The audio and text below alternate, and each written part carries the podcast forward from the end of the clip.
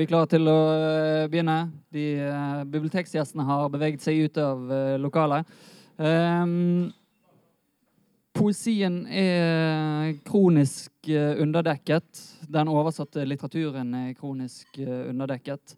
Og selv på en institusjon som dette slipper vi aldri unna det problemet. Det er derfor en stor glede for oss å ønske velkommen til denne samtalen om den eh, amerikanske poeten Claudia Rankin. Jeg skal fatte meg i enorm korthet. Eh, jeg skal bare si at vi er veldig glad for eh, at vi har anledning til å gjennomføre dette. Og at arrangementet er en del av en serie som heter 'Tankegods for vår tid'. Det er altså en slags idé her om at det vi kommer til å høre her i dag, har noe å si for oss i våre liv der ute i verden. Til å lede samtalen så har vi vært så heldige for Muna Jibril til eh, Bergen offentlige bibliotek. Det er vi veldig glad for. Hun overtar roret herfra. Vær så god. Ja, nå er den på. Eh, ja, hei og velkommen. Eh, I dag skal vi snakke om Claudia Rankin. Rankin. og vi har med oss Kristina Leganger Iversen i midten her, og Kamara Kristina Lundestad Jof. Eh, Kristina har nylig levert en avhandling som eh, tar for seg rollen eh, hudfarge, hvithet og rase spiller i den skandinaviske samtidslyrikken. Hun er i tillegg også forfatter og lyriker, og den første diktsamlingen hennes kom ut i 2011 og heter 'Hjertemekanikk'. Hennes andre utgivelse var en roman eh, i 2015 som heter 'I ringene'. Kamara er scenekunstner, dramatiker og musiker. Hun har i mange år eh, jobbet som rådgiver både politisk og kunstnerisk for kunst- og kulturinstitusjoner i hele Norden. Eh, hennes politiske og kunstneriske prosjekter har fokusert på tematikk rundt eh, unge, interseksjonalitet og normkritikk. I fjor turnerte hun også med sin selvbiografiske soloforestilling som heter 'Pavlovs tispe'. Og 11.6 debuterer hun også som forfatter med boka 'Eg snakkar om det hele tida'. Eh, sammen har de da altså oversatt eller eh, gjendiktet eh, 'Citizen An American Lyric' fra 2014 til eh, nynorsk. Eh, den datoen, datoen, for utgivelsen er satt i august og får tittelen 'Medborger'. Det var min ikke så korte introduksjon. Um, og da kan vi begynne med at Hvordan er det dere kom i kontakt med Claudia Rankine? For hun er jo ikke veldig kjent i Norge, egentlig. Jeg kan jo starte med deg, siden du introduserte meg for henne. Ja, altså, jeg, jeg hadde bestilt den boken uh, her for noen år siden, egentlig ganske akkurat når den kom ut. Og så hadde jeg ikke fått lese men jeg tok den med meg når jeg reiste på et forskningsopphold til Berkeley. Og så tok jeg faktisk et kurs der, der den også ble diskutert. Uh, og leste den og leste mye annet, men tenkte at uh, det her det er en bok som bør bli gjendikta. Og så skrev jeg en e-post rett og slett til redaktøren min og sa sånn hm, Dere driver jo med en sånn gjendiktningsserie med amerikansk poesi nå. Eh, har dere tenkt på denne boken? Så det var, det var litt Jeg vet ikke helt hvordan jeg hadde plukket den opp, men den kom jo, når den kom, så fikk den For det første fikk den en vanvittig mengde med strålende anmeldelser i amerikansk presse. Den fikk en rekke priser. Den som dukket opp i veldig mange ulike sammenhenger, annet under det var senere, men blant annet under Trumps valgkamp så var det noen um, svarte og litt uh, og asiatiske amerikanske mennesker som, som, gikk på en rally. Og siden de ikke var hvite, så ble de plassert liksom rett bak Trump, sånn at de skulle synes veldig godt. Og en av de hadde med seg Citizen, syntes den rallyen var utrolig kjedelig. Så hun tok opp boken og satt sånn og leste, blant annet. Så det var et sånt klipp som også sånn sirkulerte eh, rundt omkring eh, på amerikanske nettsteder, bl.a. Jezebel, om hvordan liksom, dette her, De visste du ikke hvem hun var, så de leste det som en de leste det som en, eh, som en protest. Så det var litt sånn jeg kom i kontakt i den boken, med, eller med den boken. Og så eh, tok rett etter redaktøren min og bare snappet opp rettighetene til den. Um, og så tenkte jeg han, fått, han ville ikke kjøpe de rettighetene med mindre jeg sa at jeg kunne eh, gjendikte det. Og det sa jeg ja til, fordi jeg tenkte at noen må jo gjendikte det. Men så hadde jeg en veldig sånn tanke om at det ville jeg ikke gjøre alene. Eh, men jeg utsatte litt å tenke på det mens jeg var i USA. Så kom jeg tilbake igjen, og jeg visste på en måte ikke helt hvem jeg egentlig skulle gjøre det med. Men så dukka denne damen opp. Eh, hadde aldri egentlig visst om det før. Det jo Ikke så kjent. Nei, eh, nei ikke sånn sett, da. Men eh, jeg så utdrag fra forestillingen din 'Pavlovs tispe'. Mm. Og så visste jeg Den her damen må jeg jo det, det er jo denne her da, men jeg skal gjendikte denne boken med. Ja, Men jeg hadde jo aldri snakket med deg. Nei, Du kom snikende opp etter at jeg hadde gått av scenen og var sånn Har du lest 'Citizen'? Har du hørt om Claudia Rankine? Og jeg er vel sånn Ja, ja. ja, ja, ja. Jeg skal ut og røyke. Mye adrenalin. Eh, og så, eh, så, sa du at eh, altså Pavlovs tispe er en, altså en, selvbiografisk forestilling som er delt opp i veldig mange små fragmenter for å vise på en måte hvordan rasifisering og seksuell diskriminering og homofobi setter spor i kroppen din og i, liksom i oppførselen din, og hvordan du møter verden.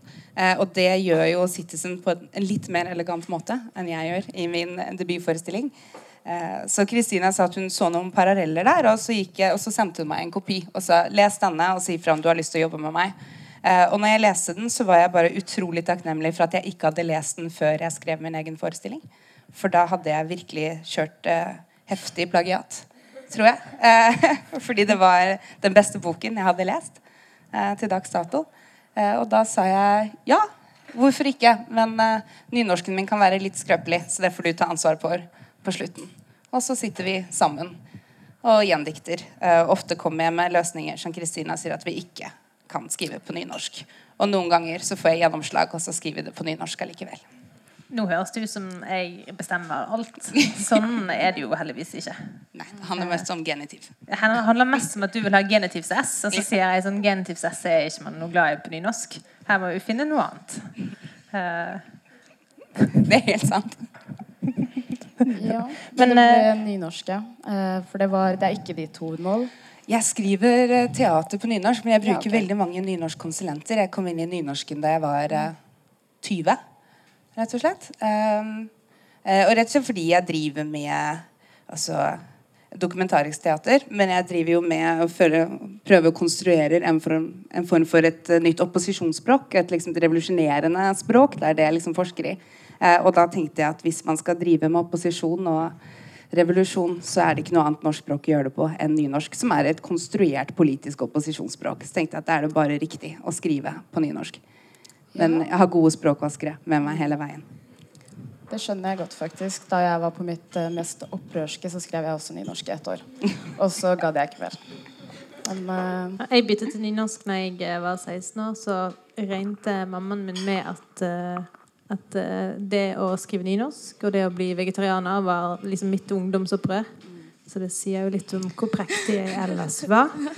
Og hun ga begge deler to måneder. Men her sitter vi i dag. Uh, ja, da kan jeg si litt om Citizen, da. Uh, den, uh, det er en diktsamling. den beskriver og forteller om hvordan det er å være en borger i et land som du ikke er helt velkommen i. og tar utgangspunkt i situasjonen de svarte i USA er i i dag. verket beskriver spekteret av rasistisk vold. Og eksemplene kommer fra fremgangsrike personer som Serena Williams eh, tennisspilleren. Men også i køen i matbutikken og i klasserommet. Eh, og, så det er da det små og hverdagslige, og i tillegg til større hendelser som eh, skytinger, som dessverre også etter hvert blir hverdagslige. Skal vi kanskje lese litt uh, nå fra boken? Det, det, kan vi. Det kan vi. Så Eh, får folk høre litt. Ja. Mm. Jeg foreslår at vi leser Det er jo en gjendiktning. Vi tar jo oss noen friheter underveis. Så mitt forslag er at vi leser engelsk og nynorsk.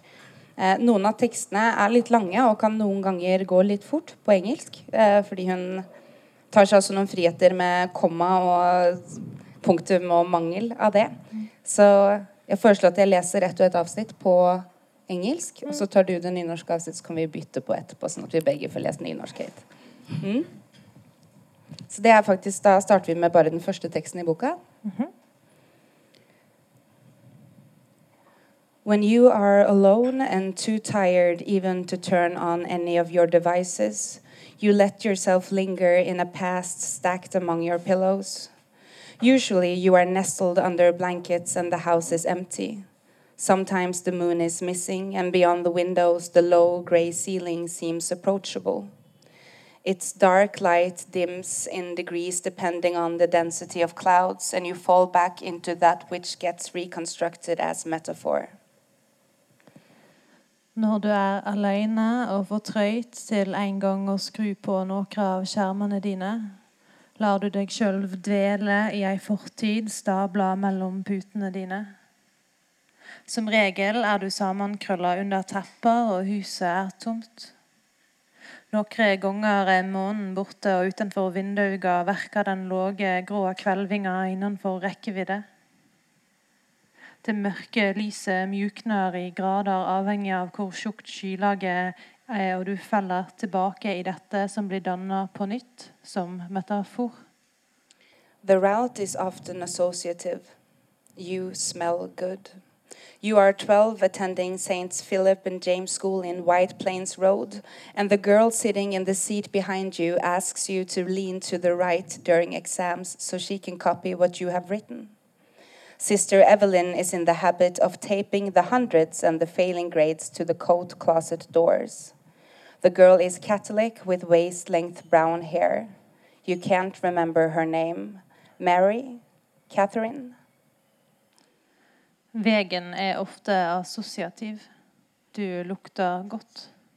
Du er tolv og går på St. Philip's and James School på White Plains Road, og jenta som sitter bak deg, spør deg om å lene deg til høyre under prøvene, så hun kan kopiere det du har skrevet. Søster Evelyn har for vane å henge opp de høyeste og de laveste karakterene på garderobedørene. Jenta er katolikk med midjelangt, brunt hår. Du husker ikke navnet hennes. Mary? Catherine? You never really speak except for the time she makes her request, and later when she tells you you smell good and have features more like a white person. You assume she thinks she is thanking you for letting her cheat and feels better cheating from an almost white person. Det snakker egentlig aldri, bortsett fra denne gangen da hun spør deg om dette. Og seinere, når hun forteller deg at du lukter godt, og at trekka dine er mer som en hvit person sine. Du går ut ifra at hun tror hun takker deg for å ha latt henne jukse, og at det kjennes bedre å ha skrevet av en nesten hvit person. Sister Evelyn never figures out your arrangement, perhaps because you never turn around to copy Mary Catherine's answers. Sister Evelyn must think these two girls think a lot alike, or she cares less about cheating and more about humiliation, or she never actually saw you sitting there. Søster Evelyn oppdager aldri denne ordninga, kanskje fordi du aldri snur deg for å kopiere svarene til Mary Catherine. Søster Evelyn må tenke at disse to jentene tenker jammen likt, eller så bryr hun seg mindre om juks og mer om audmjuking, eller så så hun rett og slett aldri at du satt der. Veldig fint. Eh, Citizen kom eh, som sagt ut i 2014 eh, etter skytingen av Trayvon Martin, eh, som ledet til både opptøyer og en nasjonal debatt om rasisme og raseprofilering. Og denne boka kom ble sett på som en betimelig og skarp kritikk. Hun drar f.eks. en historisk linje til lynsjing av svarte mennesker. Kan dere si litt eh, om dette, og hvordan hun gjør dette? Det er interessant at den, den oppleves som så betimelig, for det tok jo Claudia Rankine ti år å skrive denne boken. Hun begynte i 2004 når hun og ektemannen John Lucas satt og så på TV-reportasjene fra orkanen Katrine og herjingene i New Orleans. Eh, ektemannen John Lucas er videokunstner. De satt og så på disse bildene. De tok opp disse bildene, og de tok opp eh, alt det som ble sagt av reportere, av kommentatorer og ulike vitneskildringer om hvordan denne katastrofen og alle de svarte menneskene som var eh, en veldig, veldig stor del av ofrene for denne katastrofen, på hvilken måte de ble omtalt i nyhetene. Og jeg tenkte, vi, vi, ser det i denne første teksten. Den ene tingen som den tar opp, er jo nettopp disse her, måten disse minnene setter seg i kroppen, og ofte dukker opp nettopp når man skal slappe av. Men den andre tingen som den tar opp som på en eller annen måte er en del av kjernen i dette prosjektet, det er jo nettopp på hvilken måte man blir synlig eller ikke synlig for de andre. Altså dette duet som, som tiltaler seg sjøl i andre person gjennom hele teksten. Som ser seg sjøl med det utenfra-blikket.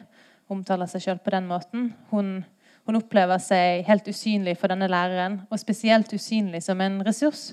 Hun er, ser seg sjøl som helt usynlig for læreren, som en som noen andre kunne tenke seg å, å skrive av fra.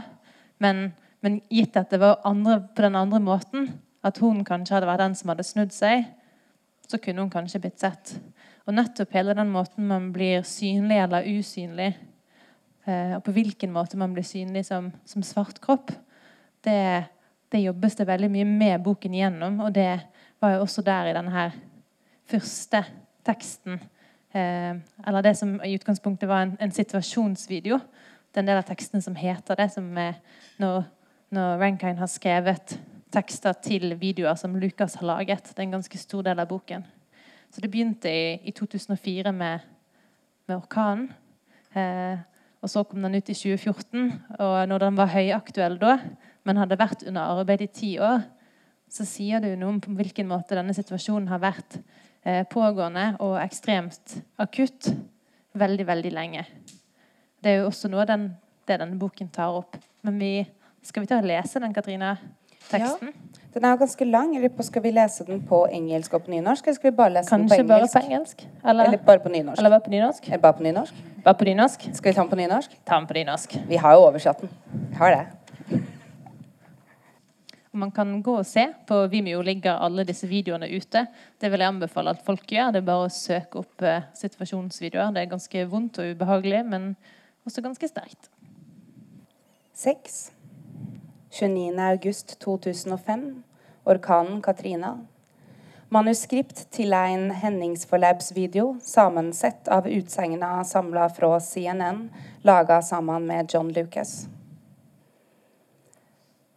Timer seinere, fremdeles i vanskene, av hva det vil si å være helt plutselig midt i det, stående der, kanskje vadende, kanskje veivende, stående der vannet fra all verdens djup strømma inn. En sa klatrer over kropper, en sa stranda på et tak, en sa fanga i bygninga og i vanskene, ingen som kom, og fremdeles noen som sa, hvem kunne sett dette komme, vanskene med det. Fiksjonen i fakta føreset uskyld, uvit, manglende intensjon, villeiing. De naudsynte føresetnadene på eit gitt tid og stad. Har du sett ansikta deira? Tru, ikke redsle, sa hun. Hun hadde høyrt det en gang og freista å brenne denne frasen fast i sinnet. På det tidspunktet kunne hun ikke si det høyt. Han ville ikke tolerere det han var sint. Hvor var deg? Hvor var hvem som helst? Dette er faen meg en krisesituasjon, sa han. Så sa noen andre at det var ei klassisk motsetning mellom de rike og de fattige. Mellom de som har og de som ikke har. Mellom de hvite og de svarte. I vanskene av alt dette. Så var hvert hus en mumlende struktur, alt det vatnet bygnadene skrelt fra hverandre, det gule skummet, den forureina, slepende talen til skimmel mugg. De manglende lemmene, sa han, kroppene stabla i haugar av skrot, dinglende fra bjelkar, liggende med ansiktet nær, almene utstrekt over stovegulv. Og noen sa, hvor var bussene? Og samtidig sa noen andre, Fema sa at det ikke var trygt å være her. Det jeg hører, sa hun, som er ganske skummelt, er at de alle vil eh, bli værende i Texas. Han ga meg lommelykta, sa hun. Jeg ville ikke tenne den. Det var helt svart. Jeg ville ikke kaste lys over det. Vi tok aldri kontakt med noen for å fortelle historien vår, fordi den har ingen ende, sa han. Slik jeg ser det, om jeg skal være ærlig med deg, så glemte de oss. Det er fryktelig, sa hun, å dra hjem igjen og finne ditt eget barn dødt. Det er virkelig trist. Og så mange av folka på arenaen her, veit du, sa hun, var underprivilegerte uansett, så dette slår svært bra ut for deg. Du får rett og slett frysninger hver gang du ser disse stakkars personene, så mange av disse folka, nesten alle sammen, som vi ser er så fattige, sa noen andre og de er så svarte. Har du sett ansikta deira? Så denne estetiserte avstanden fra herregud, fra utrolig, fra dehydrering, fra overoppeiting, fra ingen strøm, ingen kraft, ingen måter å kommunisere på. Vi drukner her, framleis i vanskene som om ansikta på bilda ber alle konsekvensene, og som fiksjonen i fakta fører seg et slump og uvisse. Han sa, 'Jeg veit ikke hva kvatnet ville'. Det ville vise deg at ingen kom. Han sa, 'Jeg veit ikke hva vatnet ville', som om da og nå ikke var den samme øyeblinken. Han sa, 'Jeg veit ikke hva vatnet ville'. Rop til deg, jeg kan ikke sjå deg, rop likevel, såg du ansikta deira. Man uh, hører det jo her også i denne teksten, men uh, verket er jo veldig kroppslig. Uh, det er hele tiden den sorte kroppen som blir diskutert. og på hvilken måte tenker dere, eller vil dere si at hun gjør dette? Og er det noe nytt Eh, hun gjør da når hun beskriver Eller hvordan hun beskriver det på. Tenker du på hvordan hun beskriver den sorte mm. kroppen? Mm. Altså, jeg tror Om det er noe nytt, det får uh, litteraturhistorikeren og viteren svare på. Uh, men for min del så var det første gangen jeg leste en poetisk tekst som beskrev hvordan det kjennes ut å ha denne hudfargen uten å nevne hudfargen min hele tiden. At noen ganger så beskriver hun hvordan man faller inn i seg selv, sukket. Hvordan man prøver å skjerme seg selv fra verden. Hvordan man har en hinne rundt seg. Hvordan man tygger drøv på det samme om og om igjen. Og det er så undereksplisitt. Altså hva, hva som er grunnen til at du ligger i dette sukket, i dette favnet. At du ikke klarer å stå opp, at du ikke klarer å snakke. Um, så jeg tror for min del så var det en, en helt unik måte å skildre følelseslivet av et utenforskap uten å hele tiden påpeke utenforskapet, selv om hun selvfølgelig også understreker det.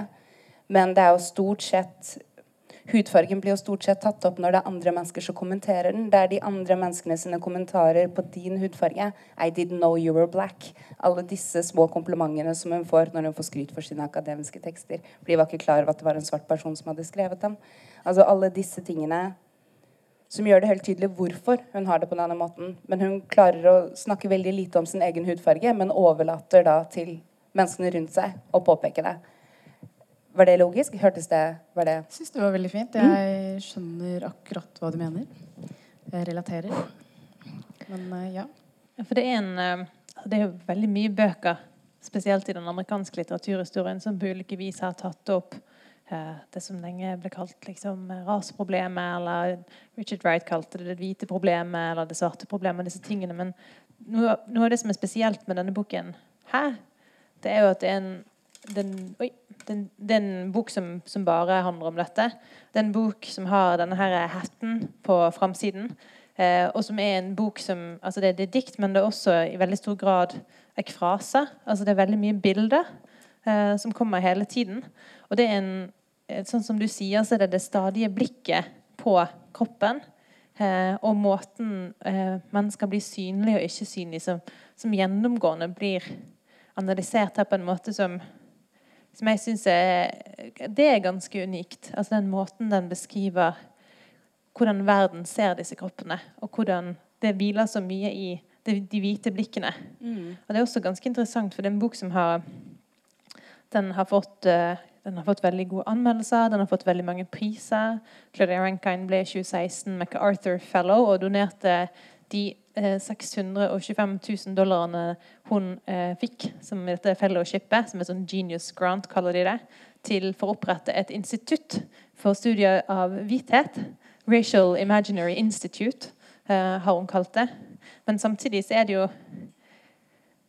Det er jo ikke nødvendigvis sånn at, at alle de hvite menneskene som f.eks. kommer på, på, opplesningene hennes, skjønner helt i hvilken grad dette faktisk er en bok også om hvithet. Om den vold som fins i hvitheten, og som fins i alle de blikkene på den ikke-hvite kroppen. Ja, for den er jo, Boka er jo lest i to sjangere. Den er jo lest som poesi, men den har jo også vunnet kritikerpriser. Er ikke som at den Den ble nominert til National Book Award både som, eh, både som en poesibok og i den eh, ja, kritikkategorien deres. Men um, Ja, det var den første, faktisk. Ja. Noensinne. Mm. Som ble nominert til begge. Ja, hun ble nominert i begge, og så vant hun for lyrikk, om jeg husker riktig. Mm. Eh, noe av det jeg la merke til, hvert fall, er at eh, det lyriske jeg i eh, eh, diktene det flyter veldig. Eh, og det er veldig vanskelig å si hvem stemmen er, eller hvem stemmen tilhører. Eh, hva tenker dere det gjør med narrativet? Det er et helvete å oversette, for å si det sånn. Noen ganger er det sånn vi diskuterer for you. For eksempel på engelsk kan jo, som alle her sikkert vet, være både entall og flertall. Uh, og noen ganger så sitter man sånn her Men er det, er det entall her, eller, eller er det flertall? Er det entall, eller er det flertall? Vi sitter veldig mye med det. Nå skal det jo sies at den er oversatt til svensk.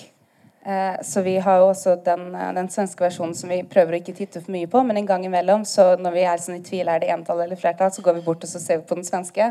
Men da er det litt som når man kaster en mynt i lufta, og det sekundet før du får den i hånda, så vet du plutselig hva du hadde lyst til.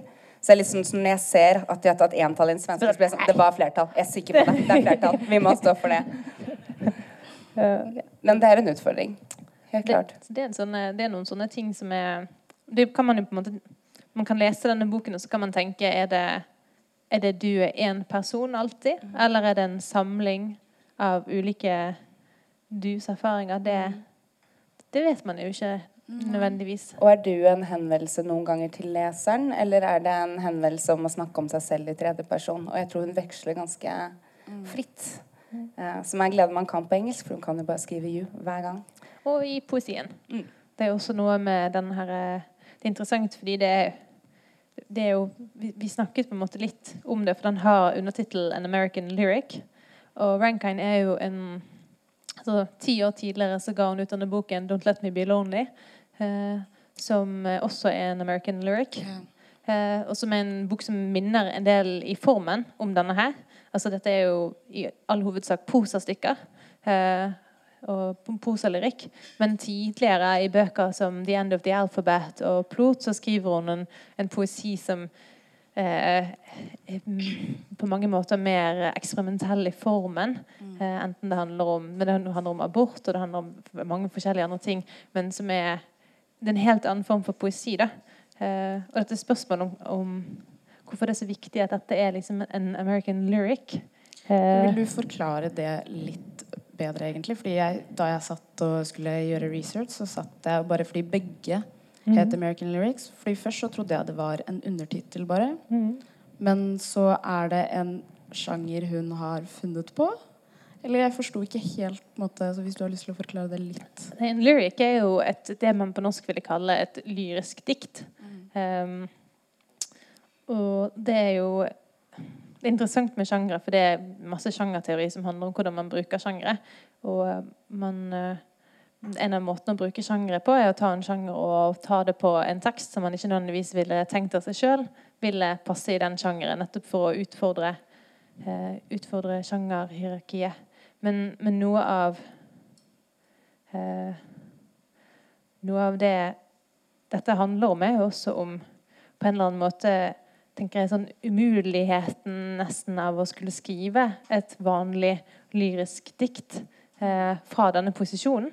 Eh, fordi hele tilgangen til verden, til skjønnheten, til måten man ser og blir sett, er så gjennomsyra. Tenkte på når vi snakket om boken din eh, For du kommer jo med en bok. Så skulle du egentlig skrive en helt annen bok. Ja. Eh, men så ble det den boken som du har skrevet nå, som i veldig stor grad handler om rasisme.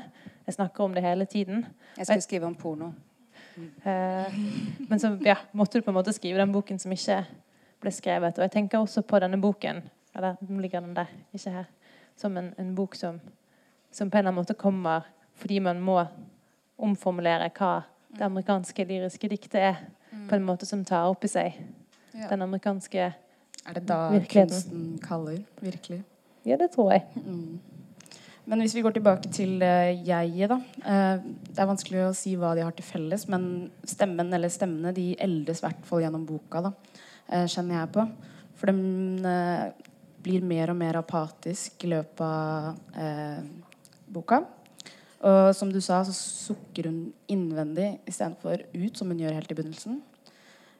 og Legger dette noen tydelige føringer for tolkningen eller leseropplevelsen? Jeg vil jo understreke også at dette er en uh, Nå er jeg jo litt farget av dette fordi vi sitter med denne teksten hele tiden. Uh, men det er, en, det er en nydelig bok å lese, men det er også en bok som krever ekstremt mye av det emosjonelt å komme igjennom. Eh, så for min del, jeg husker Første gangen jeg leste den, så passet det veldig fint at jeg i boka var utslitt. For jeg var også utslitt når jeg nærmet meg slutten. Og igjen, altså når, når, enda en sort ung gutt blir skutt, så tenker man hvor mange flere? Jo, så mange flere. Hele tiden. Så mange flere. Så jeg tenker at, at jeget sin utmattelse også reflektertes veldig godt i min følelse mens jeg leste boka. Selv om det er vanskelig å vite om jeg også mitt lesende øye blir farget av hennes utmattelse. Eh, men jeg kjente meg Man kjenner seg sliten når man leser den nedtrekk. Eh, men hun blir jo også Jeg vil jo ikke si at hun blir eldre. altså Noen av tekstene som er fra 2005, de ligger jo ikke kronologisk på noen som helst måte. De hopper jo frem og tilbake. Eh, men hennes analyse av det kanskje blir mer og mer um, Hva skal man si um, innvendig. Da.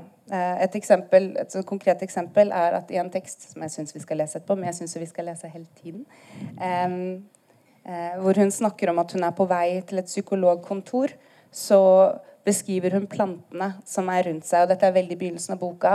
Og det er uh, deer grass og forskjellige typer planter som er veldig vanlige for uh, skogstreifende dyr. altså drøvtyggende dyr å spise. Uh, og Hun nevner ikke noe mer enn at disse plantene vokser overalt. det er de på utsiden. Men etter hvert utover boka så begynner hun å beskrive seg selv som et drøvtyggende dyr som driver og tygger den samme informasjonen og har de samme samtalene og baler med den samme driten hele tiden. Uh, og det var først tredje gangen jeg leste den, at jeg plutselig begynte å forstå at alle plantene hun plasserer i begynnelsen av boka, driver hun faktisk og spiser på slutten, og til slutt så sitter hun bare og drøvtygger dem. Mm. Altså Disse små liksom, subtile metaforene hun legger inn for å vise at det var utenfor, og nå er det inni meg, og jeg blir ikke kvitt det. Og det er bare gulp. Gulp. Ja, oppkastet er jo også Maten. Ja, der i, I drøvtygging. Ja, og i, uh, i boken. Mm. Det oppkastet man ikke blir kvitt. Mm. Så det, det tror jeg også er med på å forklare hvordan at Sokki gikk ut. Den, disse lydene hun lager til menneskene rundt seg, som hun til slutt bare tenker at hun gjør. At det er mye som foregår på innsiden av hodet. Så er det jo noe med dette her, altså hvor farlig det er å skulle vise sinne i denne mhm. boken her. Eh, enten man sitter i bilen sin og har hatt et møte med en klient som i en av tekstene, og man har liksom stresskofferten sin eh, på setet, man blir stoppet av politiet, og man blir tauet inn. Um, etter de, og bil blir tauet, og man blir liksom bare sendt ut uten eh, penger eller mobil fra en uh, politistasjon og må gå hjem igjen. Man kan ikke bli sint, for man, man, vet hva som så lett skjer hvis en svart person blir sint i møte med politiet. Eller det er et av diktene som handler om at eh, noen har sett et bilde av du er på internett, og så sier personen 'Men hvorfor så du så sint ut?' Eh, så reflekterer dette du at, eh, at eh, fotografen og, og, du hadde valgt ut akkurat dette bildet fordi det var det bildet der hun så mest avslappet ut. Eh, så man blir så lett lest som sint, man blir så lett lest som aggressiv. Og det er jo også noe av det som, som fører til at, at, all den smerten og frustrasjonen som oppstår i også i veldig veldig mange tekster i denne boken, handler om sånne enkle møter. Man skal spise lunsj med en kollega, man skal på et møte.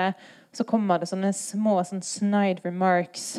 Eh, mikroaggresjoner. mikroaggresjoner igjen og igjen. Og man, og man, kan ikke bli sint. Fordi at det sinnet som påtaler det som er ubehagelig, det er det ikke, det er det ikke noe plass til. Og det er også interessant, sånn en del av de hun har fortalt i flere intervjuer om en del erfaringer fra når hun har hatt opplesninger, og det har kommet liksom, hvite mennesker, eh, som jo i utgangspunktet er relativt og positivt innstilt, kanskje, hvis de kommer på en opplesning. Så kommer de bort og sier sånn derre Hei, hei, hei, og trenger du noe hjelp av meg? Og sånn der, noen penger, kan jeg donere noen penger noe sted? Eller liksom sånn. Og så har Rankine, som jo er eh, en eh, lynsmart dame, sagt sånn herre det, det vi trenger, er at Eh, hvite mennesker engasjerer seg i denne problemstillingen og snakker med andre hvite mennesker og begynner å jobbe for noen reelle liksom, politiske forandringer, og ikke liksom tar kampen med seg sjøl eh, også. Og da blir mange sint, fordi de ville liksom komme som en sånn white savior. Mm. Eh, og hvis ikke de kan på en måte komme bare få donere noe penger, men på en eller annen måte må tenke over eh, eller jobbe mer politisk for å eh, faktisk eh, gi fra seg eller liksom dismantle de privilegiene, så blir ofte folk litt, litt sint hvis man på en måte ikke bare kan betale avlat, men det er noen sånne større forpliktelser. Mm. Man vil gjerne betale penger og så gå hjem og legge seg. Sant? Og kanskje mm. drømme om noe fint isteden. Men uh, det dere snakket om det sorte sinnet, det blir jo uh, oppsummert uh, ganske greit med to Eh, et sitat og, nei, to sitater, faktisk. Hun refererer først til eh, James Baldwin, som er en annen sort eh, amerikansk forfatter. og da sier han To be a negro in this country and to be relatively conscious is to be in a rage almost all the time. Og det er på en måte og, Men hun kontrer på en måte mot slutten, når hun får vite at gjerningsmannen, eller morderen til Trayvon Martin, blir frikjent så sier hun til seg sjøl Yes, and this is how you are a citizen. Come on. Let it go. Move on. Så det er på en måte de to tingene man på en måte spenner mellom. da. Eh, og på en måte slik eh, Den undertrykkelsen minoritetene også føler på å hele tiden kontrollere seg sjøl for å være en medborger. Men eh, Tenker dere, eller syns dere hun argumenterer for å konfirmere med den siste linjen der? Nei, det syns jeg ikke hun gjør. Men jeg tror hun uh, argumenterer en del for self-care. Altså at på et eller annet tidspunkt må du også beskytte deg selv. Eh, og det er jo når hun snakker om, om jeget eller duet, som er aktivistisk gjennom hele boka men som også må få lov til å ikke ta hele verden inn i seg selv hvert bidige sekund. For hun får ikke puste. Hun klarer bare å sukke. Eh, så jeg tror eh, det er ikke en eh, Jeg tror ikke det er en, en oppfordring til å, å la, la, ting passere. Men jeg tror det er en oppfordring til å ikke la alt gå helt som en kniv i hjertet hver eneste gang.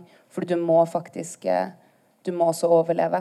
Det er vel det hun også argumenterer for. At du må, du må få puste. Så det er jo interessant, for den, dette er jo en, en, bok som jeg snakket mye om på en måte det visuelle og hvordan man ser om man blir sett. Men det er også en bok som arbeider ekstremt deskriptivt. Den forteller liksom episode eller etter episode. Den skildrer ulike videoklipp. altså Den jobber med et veldig sånn registrerende blikk. Det er en del metaforer i den, mm. men, men, det er i all hovedsak en ganske sånn deskriptiv og registrerende eh, form for skrift som i veldig stor grad bærer et vitnesbyrd. Mm. Jeg tror mye av det denne boken gjør, er å samle opp en rekke type erfaringer fra, fra, vanlige liv og en rekke type former for mikroaggresjoner og ting fra den amerikanske kulturen i det hele tatt. Det er jo også, som du sa, om um, essayet om Serena Williams, mm. som begynner med noen kommentarer om en, en, kunstkritiker som snakker om hvordan svarte må være sintere som kunstnere, for de kan liksom angry black angry, angry, black artist det er på en måte veldig sånn noen man kan markedsføre. da. Så hvordan det er så vanskelig også å ha et sinne som enten ikke blir måte, gjort en trope eller farliggjort. Men det er jo noen, en venn som hele tiden sier dette. Du må ikke, du må ikke ta det så alvorlig. Mm. Og nettopp denne balansen mellom å bli fortalt av verden at nei, nei, det er ikke så farlig. Ikke, ikke ta sånn inn over deg at disse menneskene sier det. Ikke ta sånn inn over deg at det skjer. Samtidig som man også må på en eller annen måte klare å, å overleve sånn som Kamara sier, og klare å lage seg noen av de frirommene. Da. Um, men jeg tenker på dette, Det er en aktivistisk bok, men en aktivistisk tenker jeg først og fremst til den måten den lager dette vitnesbyrdet som handler om Amerika mm. i dag. Eller USA. Amerika er jo større enn USA, men USA i dag i hvert fall. Skal vi hoppe litt videre? Vi har brukt masse tid. Det er masse å snakke om. Eh, men hun har eh, stilmessig utmerket seg. Hun har fått eh, eh, veldig mye oppmerksomhet rundt det. Hva tenker dere preger hennes som henne som forfatter, da, stilmessig? Hvitt spørsmål, kanskje. Ja, det er jo veldig, veldig altså, Som jeg sa, så er 'Don't Let Me Be Lonely' og denne boken veldig annerledes. Mm. Eh, altså, hun har vært en forfatter som også har stått for og redigert en rekke antologier og jobbet med veldig mye annen type poesi. Eh, som er veldig langt fra det hun skriver her. Så det er liksom litt vanskelig å, å snakke om hva som stilmessig eh, som stilmessig favner det forfatterskapet. Men, men, men, denne teksten her er det jo altså Det vi ser når vi jobber med det, det, det, det er mange av mange av tekstene, men, men, ikke alle. Noen av de er sånn som med 'Gutten og gresset'. Eh, der det er ekst, ekstremt billedlig og på en helt annen metafortungt enn i disse veldig sånn deskriptive skildringene av mer sånn hverdagslige hendelser. Så hun, hun, har et spenn i seg, og hun eh, kan definitivt skrive veldig veldig mye mer avantgardistisk eh, enn det hun gjør her. da. Og så har hun ganske mange ordspill mm. også, som man ikke leser med en gang. Men hun har, en del, hun har ganske mye humor i det hun skriver. Men også veldig mye altså poetiske repetisjoner med samme forbokstav, og hvordan hun vil at endelsene skal være, og at hun omkonstruerer hvordan man ender et ord sånn at hun kan repetere flere på rad og rekke. Men plutselig inni der så sniker hun et lite ordspill, mm. eh, som også er et helvete å oversette. Mm. Eh, men eh, som til gjengjeld er veldig morsomt, og som oppleves som en sånn stor eh, lettelse når man leser. Når hun plutselig våger å ta et banalt ordspill inni der, som man får ledd litt høyt midt oppi det hele, som letter boka. Så jeg vil tro at det er det å skrive ekstremt i denne boka her, da. Det, det å bruke det ekstremt desperiktive, metaforiske, lange, lyriske med klare, korte hendelser, og så litt ordspill. Det, det er vel sånn jeg vil si. Og det å bare gi fullt faen i komma og punktum ettersom det passer henne og ikke. Mm. For de varierer veldig. Noen ganger er det helt sånn vanlig eh, amerikansk engelsk syntaks, og andre ganger så får du disse lange eh, prosadiktene som er, på en måte, går jobber enda mye mer mot det lyriske, med masse bilder, med masse metaforer, der, der setningene bare vrir og vender og, og bukter seg. Og man må tenke hvordan kan man på en måte ta vare på denne setningen inn og lar den være så ledig og så slangende på den måten på norsk. Mm. Som f.eks. Ja, teksten om 'guttene på gresset'. Mm. Og det er jo, men det er også den ambivalensen som er På den ene siden så er jo noe av det diktet kan gjøre, er at det kan tilføre en skjønnhet som gjør det helt fryktelige mulig å bære mm. og mulig å lese. Samtidig så kan det også være Når du har tekster om lynsjing, f.eks., som er så vakre. Eh, så er det noe ekstremt også sånn uncanny ja, eh, i nettopp måten disse Det er behagelig og ubehagelig samtidig, mm. opplevde jeg. Mm. Og som du sa, at hun er egentlig ganske morsom. Eh, for det er jo ganske tungt og mørkt. Men så kan hun skrive plutselig sånn Ja, det var noen som sa til meg at jeg visste ikke at sorte kvinner kunne få kreft. Så er det bare sånn Ja, OK. Lurer på hvem som sa det. Ja, og da sier hun jo bare Og i det øyeblikket visste jeg effektivt at vårt vennskap var over. Det var en høyt utdannet person også. Ja? Eh, Det kommer liksom først. Ja, og den, eh, den dialogen eh, når hun ringer til avdelingslederen og sier 'jeg kommer på kontoret ditt liksom, om ti minutter', så kommer hun inn, og så sier han 'jeg, jeg visste ikke at du var svart'. Det mente jeg ikke å si. Høyt, svarer hun da. Hæ? Du mente ikke å si det høyt. Så det er mye sånne ja, vonde ting som blir formidlet på en altså Man tenker ganske snappy Ja. måte også, da. Men det er jo interessant hva altså Vi har ikke diskutert det så mye med denne boken, men vi har diskutert det litt andre ganger. fordi det er jo ganske mange komedier nå som handler også om rasisme. Og hva er det man på en eller annen måte, hva gjør man når man lager eh, Når man gjør det morsomt, eller når man gjør det vakkert? Jo, på den ene siden så gjør man det mulig å, å bære, men det er også mange sånn, kommentarer i boken på nettopp denne estetiseringen. Og det liksom potensielt sett problematiske Ja. med det. Mm, boka har jo mildt sagt eh, Eller resepsjonen har vært veldig god. Eh, den er eh, Den er faktisk en av Eller et av de mest leste diktverkene i USA. Jeg er usikker på om det er akkurat nå eller noensinne, men jeg regner med at det er akkurat nå. Eh, og, men lyrikk er jo eh, ikke akkurat en veldig tilgjengelig eller populær sjanger. Så hva tror dere eh, har gjort at akkurat dette verket har blitt så populært? kan man si bare fordi det er helt sinnssykt bra. Eh, men også, jeg tror altså at kombinasjonen av tekster og hvordan hun skriver lange tekster og korte tekster, at noe fremstår mer som politiske essays, men et annet fremstår som manus, og noe er små dikt. Eh, at kombinasjonen av det hele gjør boka veldig tilgjengelig for leseren.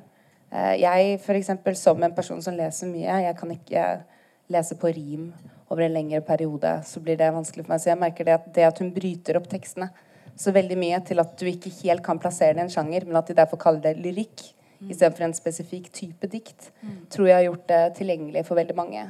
Og at det er et ekstremt, altså det er et veldig samfunnsaktuelt tema i USA, som mange sier kom ut akkurat etter at Trayvon Martin-episoden skjedde.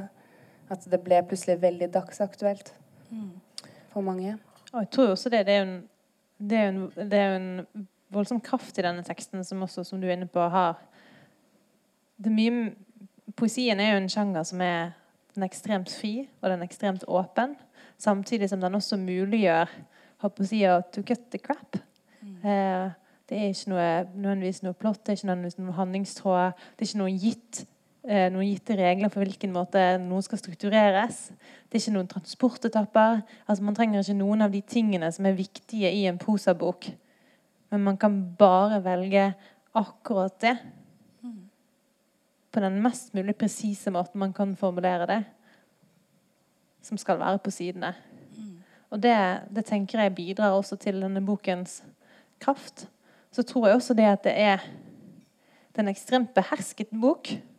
Eh, den er Den forteller om eh, eh, liksom det fryktelige som er dagligdags. Og som man dessuten, den er like behersket som, som personen må være i møte med alt det som skjer. Men også det at han har denne tonen som på den måten virkelig reflekterer også den stemningen og den levde erfaringen. Det tror jeg også gjør at den eh, at den har nådd mange som kanskje ellers potensielt sett kunne komme til å skulle beskytte seg fra den.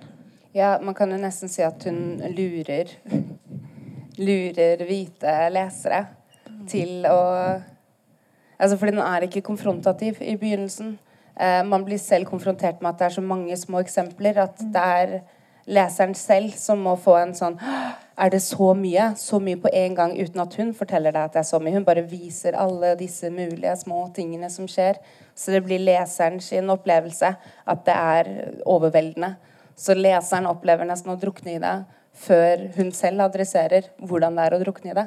Som gjør at man eh, i hvert fall noen hvite lesere som har skrevet både anmeldelser av den og som har lest den selv, selv tar det nesten som en sånn at jeg skjønte det først. Som også er liksom en sånn som plakkering av egoet, tenker jeg, noen ganger, da. For å, for å åpne opp eh, en kommunikasjon. Det, var det logisk? Var det, skjønte man det? Jeg, Ja. jeg syns det. Men eh, Ja. nå har vi jobbet så mye at det er jo ja. Du forstår min shorthand veldig godt. Men eh, ja, verket er jo dypt forankret i samtiden, som vi har snakket litt om. Eh, selv om liksom temaene er veldig tidløse. Eh, tror dere det hadde mistet noe av slagkraften hvis hun ikke hadde på en måte tatt utgangspunkt i helt spesifikke hendelser, sånn som f.eks. Hurricane Katrina? Jeg tror ikke det hadde blitt denne boken hvis ikke hun hadde gjort det. Altså Sånn som hun prater om denne boken, så er det altså hun, har blitt, hun har blitt stilt mange spørsmål om dette med forholdet mellom det private og det politiske. Hva er på en måte, Denne her er en veldig politisk bok, og den handler veldig mye om det offentlige. og Hvorfor ble det en bok som handlet så mye om det offentlige og det politiske, og ikke mer om det, liksom, det private, som jo ofte er oftere i, i, i en dels forestillinger om dikt, og spesielt om lyriske dikt. Det handler om at de handler om følelser, de handler om lengsel, de handler om kjærlighet. De handler om den type liksom, tema.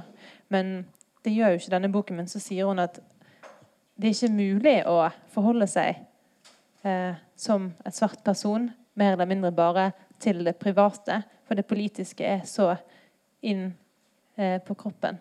Så, så for hun så var det det var den eneste måten å skrive eh, denne boken på. Den, den henger så jeg synes som vi har vært inne på, den henger så helt eksplisitt sammen med alle de hendelsene som, som skjer og skjer igjen. Men, eh, Da kan vi gå videre til det dere har gjort, som er eh, å oversette. Eh, Jeg syns i hvert fall det er en enorm bragd å oversette et verk. Eh, I hvert fall når det gjelder skjønnlitteratur, og enda verre når det er eh, dikt. Men eh, hvordan eh, har det vært for dere å jobbe med oversettelse? Vel, det er eh, Nå har vi jo jobbet med dette i intense perioder siden, siden jeg var og spilte i Stockholm. Du kom til meg to uker i Stok en uke i Stockholm. Mhm. Så det var vel i oktober i fjor. Oktober, ja. Så vi har jobbet med det eh, og en, en god stund nå. Eh, og det er jo det er veldig deprimerende å sitte eh, i, eh, i to timer og diskutere hvordan skal vi oversette 'I ran that nigger over'. Altså, jeg kjørte over den niggeren. Eller altså den frem og tilbake. Jeg kjørte den- ned, jeg kjørte den rett ned. Og det kan ta to timer å finne den riktige måten å oversette den setningen på.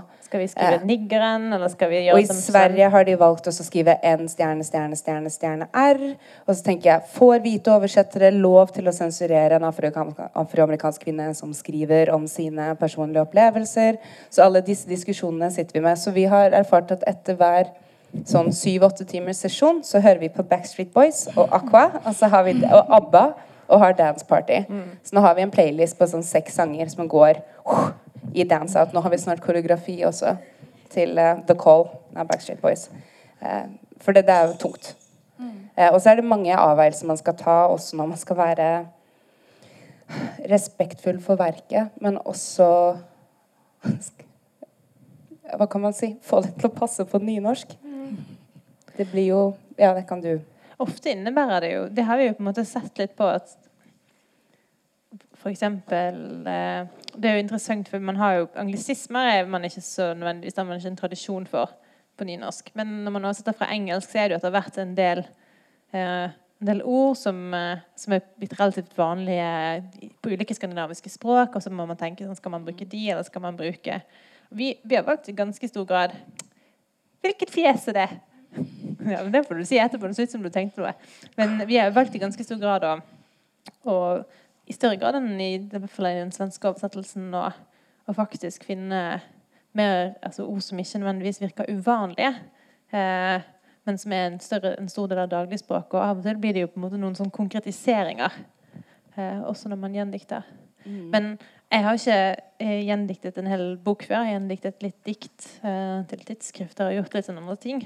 Og jeg er helt ekstremt glad for å ha noen å gjøre det med. Eh, å sitte og diskutere. Og ofte kan vi sitte sånn, sånn Nei, det ordet er ikke helt riktig. Og så begynner vi liksom å spille ball og bare sånn prøve ut andre ord og sitte Og så plutselig Men det er et annet ord vi leter etter. Liksom, hva, er, hva, er, det det ordet er? Og liksom den frasen. Og, hvordan, og så plutselig faller det ned. Så er det sånn Yes! Eh, og så er det kanskje en vilt rasistisk ting, eh, men så er man bare sånn sykt glad for noe man har funnet fram. Ja. Eh, det jeg satt og smilte, er den lille det er en liten tekst der hvor hun møter en hvit venninne ved bilen, og så sier den hvite venninna til henne You're late, you nappy-headed hoe. Og gjør en sånn hvor det igjen er Er dette en måte du tiltaler meg på? Er dette en måte du omtaler meg på? Er dette ok? Eh, og så en god analyse av deres vennskap. Men da satt vi og Nappy-headed hoe. Nappy-headed hoe. Og vi kom fram til krusehåra hore. Som jeg ble kjempeforkjempe for. Og sa at du er for seig, de krusehåra hore. Eh, og begynte å ta den Men prøvde også prøvde litt inn i, i personlig sjargong. Si er dette noe som vi bare skal bruke i boka? Mm. Kan man bruke det til vanlig? Heldigvis så har jeg småsøsken, eh, søstre, som også har krøllete hår som meg, så jeg prøvde det litt ut på dem. Men de er 19 og bare Hva er det du sier? Og da innså vi at det, det funker ikke, ikke i skriftlig form, så da måtte vi ta nappy-headed hoe i kursiv. For det var ingen som aksepterte min krusehåra hore. Eh, men det tok jo et par uker å få landa, med litt trial and error finne ut hvordan ja, hvordan skal vi ha rasistiske Ja, Det er nettopp det kulturelle og på en måte språklige som er uh, veldig vanskelig, og de små nyansene. Mm. Har det, altså, hvordan har dere jobbet med det? på en måte? Altså, det er jo en bok om USA. Mm. Så en del av disse referansene skal jo bare få være amerikanske. Og Det er også det som er fint med å la det stå 'nappy-headed hoe'. Det viser til en helt spesifikk ting som ble sagt av en basketballtrener der han omtalte noen spillere som nappy-headed hose, som jo er en altså Det går jo på Det, det er vel fra altså dette tovede, svarte håret. Eh, og det er en ganske sånn eh, ja, stygg mm. eh, betegnelse. Ustelt, skitten, ja. krøllete. Mm. Så, eh, så det, det, er noe fint også med å la noen av de tingene stå. Mm. Men det er også når man, når man da gjendikter, så må man jo liksom, den diskusjonen over når er det viktig at den referansen som peker veldig tydelig på den konteksten det kommer fra, at den kommer fram. Eh, og når eh, vil det bare være å ikke nødvendigvis finne det, det, det gode, konkrete norske ordet for det. Og vi, altså, vi er ikke helt eller vi har liksom, vi, Nå har vi gått gjennom alt, men det, vi har liksom noen sånne ting vi skal diskutere også. Og Det gjør vi ofte. Vi lager fire ulike alternativer på en setning, og så diskuterer vi frem og tilbake, og så lander vi på en, og så setter vi de andre i en kommentar, og så tenker vi sånn hm, Vi får se om det på en måte blir stående. Ja. Og så skal det jo sendes til en redaktør også, så en gang ja, imellom så er det liksom C mener dette, K mener dette. Mm. Finn noe imellom. Ja. ja. Mm. Så den, den, kommer nok ikke i august, det blir nok uh, september. september. Det er veldig sånn mye ønsketenkning på gang i sånne forlag. August. Greit, mm. greit nok. Eh, da tror jeg vi begynner å gå tom for tid. Mm. Og takk for at dere kunne komme. Det har vært veldig spennende. Jeg eh, håper publikum også har fått noe ut av det. Da runder vi av. Takk skal du ha.